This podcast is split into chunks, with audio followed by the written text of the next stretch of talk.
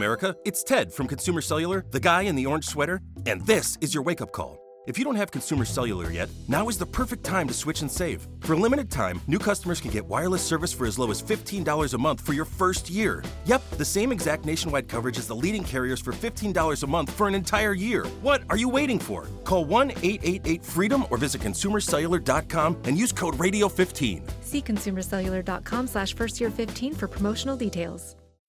Vi ste uz SBS na Srpskom. U petak je obeleženo šest meseci od masovnog ubistva u školi Ribnikar u Beogradu. Cveće, sveće, puštanje crvenih i belih balona u obliku srca sa porukama drugara za stradale vršnjake i radnika obezbeđenja, zasađivanje stabala za deset izgubljenih života u Tašmajdanskom parku. Na liniji imamo Miju Nikolić. Mija, dobar dan. Recite nam prvo da li su umeđu vremenu približeni stavovi u smislu sistemskih promjena u obrazovnim ustanovima? Biljana majske tragedije su ujedinile Srbiju u bolu, ali izgleda ne i u stavovima oko neophodnih sistemskih promjena koje bi spriječile da se takva zlodela ponove. Goran Miletić, veteran LGBT pokreta, podsjeća da je to bio veliki šok, da su građani bili po prvi put zaista ljuti zbog nasilja, da su se prvi put otvorila mnoga pitanja i zahtevana je odgovornost. To je bila velika pozitivna promena, ali se čini da je maj davno prošao i da neki novi nasilni incidenti ne dobijaju mnogo pažnje. Kada se desi neki slučaj nasilja, građani to opravdavaju ili time što žrtva pripada kategorijama kao što su žene, LGBT, Romi, ili pak žele da znaju motiv da li je kriminalni obračun ili prirodna kakva reakcija. Nema saglasnosti da je nasilje neprihvatljivo uvek i svuda bez obzira na motive i identitete žrtve. Majski zločini to nisu promenili, kaže Miletić uz ocenu, da su istupi protiv nasilja veoma marginalni. Iako građani Srbije imaju visoko mišljenje o sebi, još 90-ih su bili skloni da ćute na ratove i ratne zločine uz tvrdnju da smo se samo branili ili bili žrtve. Nasilje kriminalnih grupa u Srbiji i nasilje paravojnih formacija koje su odlazile u susedstvo su dve strane iste medalje i nažalost nismo napravili dovoljan iskorak i saglasnost u vezi neprihvatljivosti nasilja.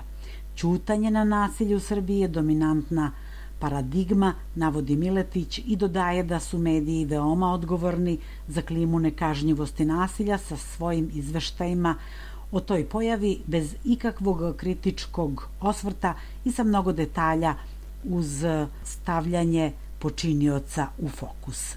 Mija, da li bi izmene seta prosvetnih zakona mogle da promene situaciju na bolje?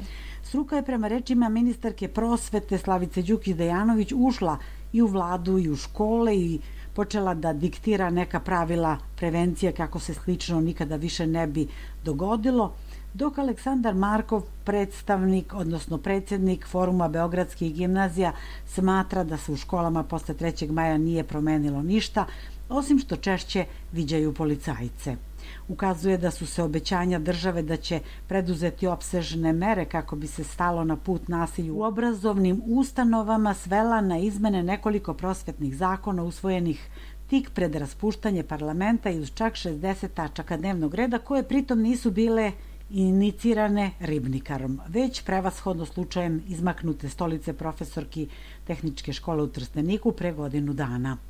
Nisam siguran da je škola postala bezbednije mesto, kaže i priznaje da mu prođe kroz glavu pitanje da li bi nešto slično ribnikaru moglo da se ponovi, pogotovo kad je učenik nezadovoljan ocenom ili ga izmesti neki drugi okidač.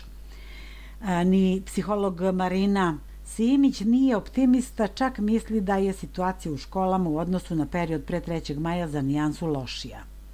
Nastavnici i stručni saradnici su jako uplašeni, roditelji su uplašeni, a s druge strane nemaju adekvatnu podršku od nadležnog ministarstva kao ni od ostalih resora. Imate u glavi užas koji se desio, treba da radite sa decom i svi su preplašeni, mi i roditelji nekada vidimo problem i tamo gde ga nema, navodi dodaje da od najavljenih novih 270 psihologa i pedagoga tek tu i tamo su angažovani novi stručni saradnici. Izmene seta prosvetnih zakona bi prema rečima nadležnih trebalo da obezbede efikasnije postupanje u slučajevima nasilja u ustanovama obrazovanja i vaspitanja, ali o unešenim rešenjima nije bilo ni konsultacije sa prosvetarima, niti govora na prethodno završenoj javnoj raspravi. Kada imate iskrenu nameru i kada postoji volja države, onda treba da postoji i šira javna rasprava. A kada se set zakona usvaja bukvalno pred raspuštanje parlamenta i kada se više razmišlja o predstojećim decembarskim izborima nego o ogromnom broju zakona koji se usvajaju i to na brzinu, to ne uliva sigurnost da se žele nešto promeniti. S druge strane, možete imati i najbolji zakon, ali ako se ne primeni, on ostaje mrtvo slovo na papiru i pre ribnikara, postojale su zakonske odredbe kojima su učenici za nedolično i agresivno ponašanje mogli biti kažnjeni, ali se u praksi često dešavalo da se iz raznih razloga njihovi postupci prikrivaju od strane onih koji treba da primene zakon, kaže Aleksandar Markov iz foruma Beogradskih gimnazija.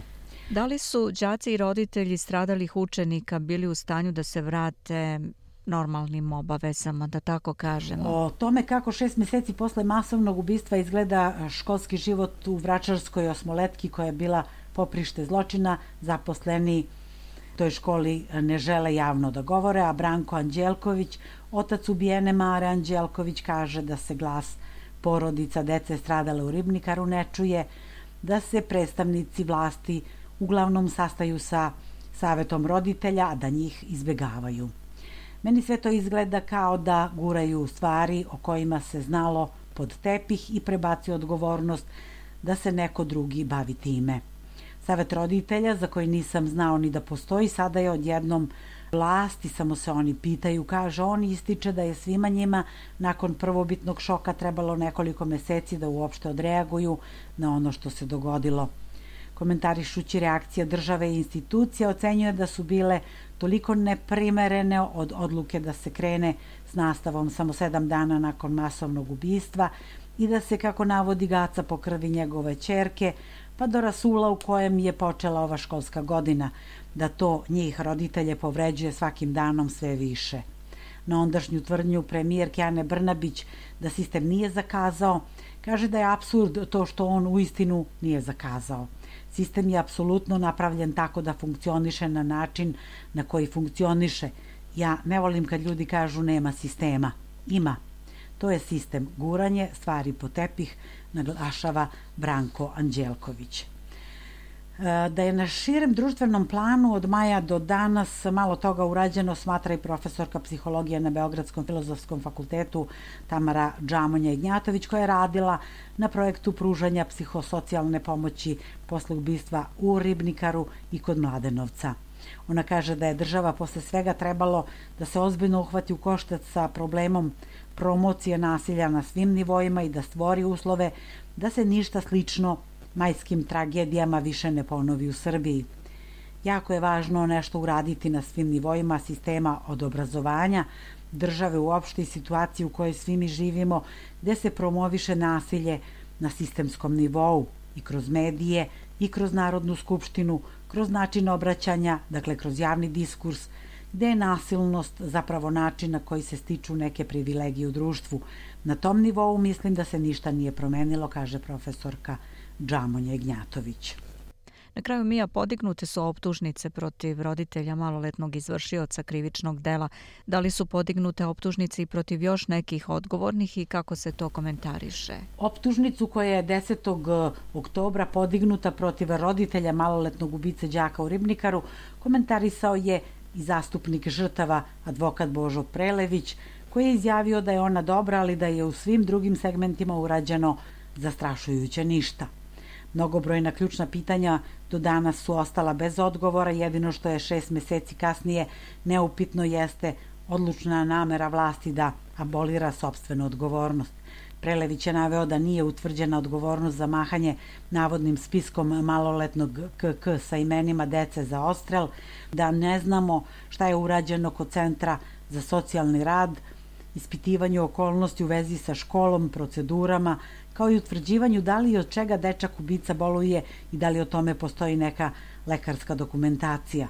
Roditelje žrtava, ali i dece koja su preživela, posebno uznemirava činjenica da ne postoji mehanizam koji bi maloletnog počinioca masakra mogao da spreči da se uskoro nađe ponovo na ulici i opet učini zločin, a za pitanje zašto je vlast na poslednjoj sednici Narodne skupštine izbegla da izmeni zakon o zdravstvenoj zaštiti takvih pacijenata, nemaju objašnjenje. Izvor blizak porodicama ubijenih đaka kaže da je to pojačalo njihovu sumnju, budući da je, kako je naveo dečakova porodica, na više načina povezana sa vladajućom partijom i nekim njenim funkcionerima, mnogi od njih se zato pitaju da li se maloletni počinilac masakra uopšte nalazi u specijalizovanoj ustanovi.